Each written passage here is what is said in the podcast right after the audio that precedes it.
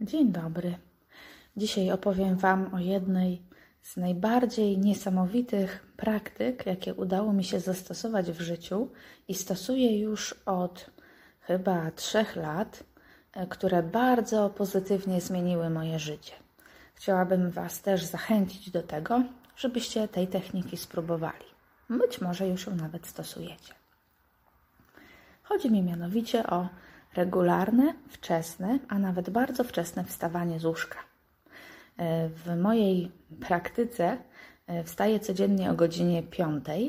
Na tym polega też taka stoicka praktyka świadomego e, robienia rzeczy trudnych i niewygodnych. Dla niektórych ludzi wstawanie wczesne jest bardzo bolesne i trudne, i jak się z tym uporać, powiem w dalszej części tego odcinka. A teraz pytanie możecie sobie zadawać, a ja na nie zaraz odpowiem, dlaczego w ogóle mamy wcześniej wstawać? Przecież leżenie w łóżku powiedzmy do siódmej, czy w weekendy do dziesiątej nic złego przecież nie, nie czyni w naszym życiu. Wysypiamy się i tak dalej. To prawda, możecie się wysypać, wysypiać, możecie nie czuć się zmęczeni, ale poprzez wczesne wstawanie otrzymujecie coś jeszcze. Otrzymujecie czas, który możecie poświęcić wyłącznie na robienie tego, co Was rozwija, tego, co jest dla Was ważne. Rano, między piątą a powiedzmy szóstą, czy chociażby siódmą, macie ten czas, kiedy wszyscy domownicy jeszcze śpią, kiedy jest cicho, kiedy bardzo łatwo się można skupić, chociaż Pewnie czasami należy posiłkować się filiżanką kawy.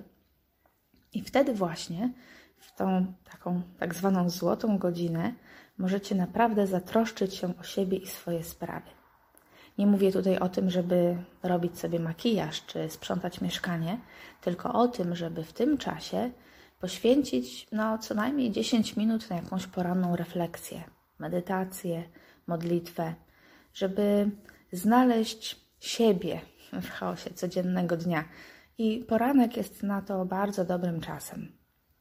Jeśli ktoś medytuje, może spokojnie usiąść czy uklęknąć. Jeśli ktoś się modli, może przez chwilę e, pomedytować nad Biblią e, lub się pomodlić. I naprawdę jest to wtedy taki czas, kiedy te aktywności, które w jakiś sposób mobilizują naszego ducha, albo może e, powiedziałabym, uspokajają go, przygotowują na kolejny dzień, one jakoś tak bardzo dobrze, e, bardzo dobrze wtedy na nas działają. I przez cały dzień stajemy się wtedy bardziej świadomi, bardziej spokojni, pamiętamy to, co przeczytaliśmy lub to, jaką intencję na kolejny dzień e, sobie zadaliśmy. I wtedy wszystkie akcje, które podejmujemy, wszystkie działania są bardziej już nakierowane na, na nasz cel, czy na nasze wartości, które chcemy w tym dniu zrealizować. Y, kolejną rzecz, którą można robić podczas tej y, porannej złotej godziny, y, to oczywiście ćwiczenia fizyczne. Nie mówię tu o jakichś bardzo intensywnych ćwiczeniach, chociaż jeśli ktoś lubi ćwiczyć rano, to, czy, czy biegać na przykład, to właśnie to jest dobry moment.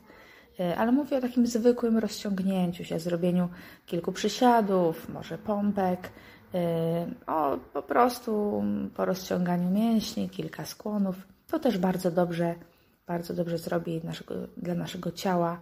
E, to, to rozciąganie sprawi, że staniemy się bardziej gotowi do działania takiego już fizycznego.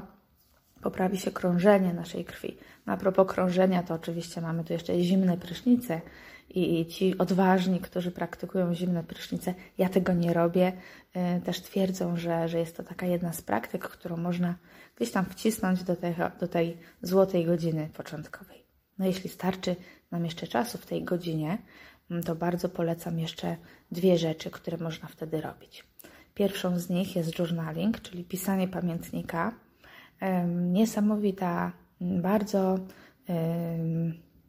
powiedziałabym, głęboko yy, sięgająca do naszego wnętrza czynność, która każe nam rzeczywiście y, zagłębić się w to, co w nas jest y, takie no, wymagające troski w naszych myślach, w naszych zadaniach, w naszym sposobie bycia, bo to jest bardzo dobry, do, dobre miejsce czy czas na autoanalizę.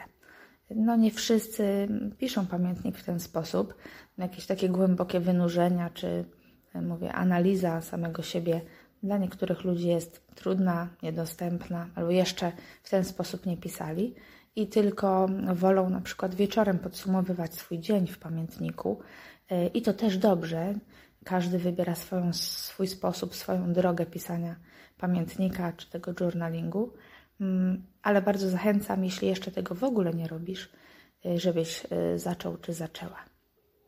I ostatnia chyba sprawa to poranne czytanie. Poświęć chociaż 5 minut na przeczytanie chociażby jednej, dwóch, trzech stron yy, jakiejś książki, chociaż może nie jakiejś, tylko książki, która jest trudna, którą się czyta powoli.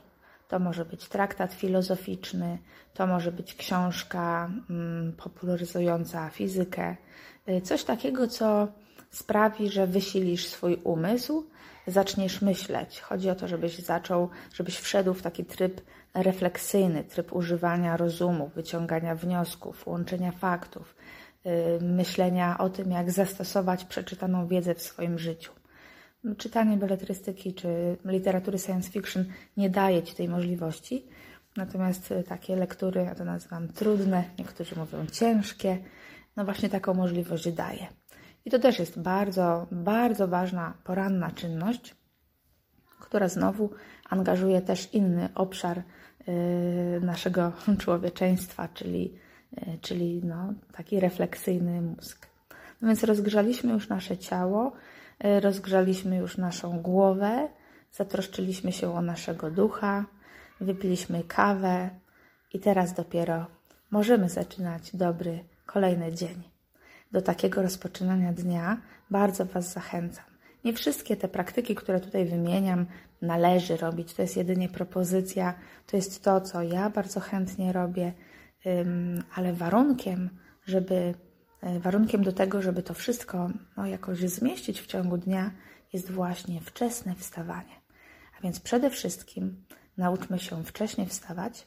Godzinę wcześniej niż zwykle myślę, że wystarczy wtedy wszystkie te wartościowe czynności y, samorozwojowe uda się nam w tą godzinę wepchnąć.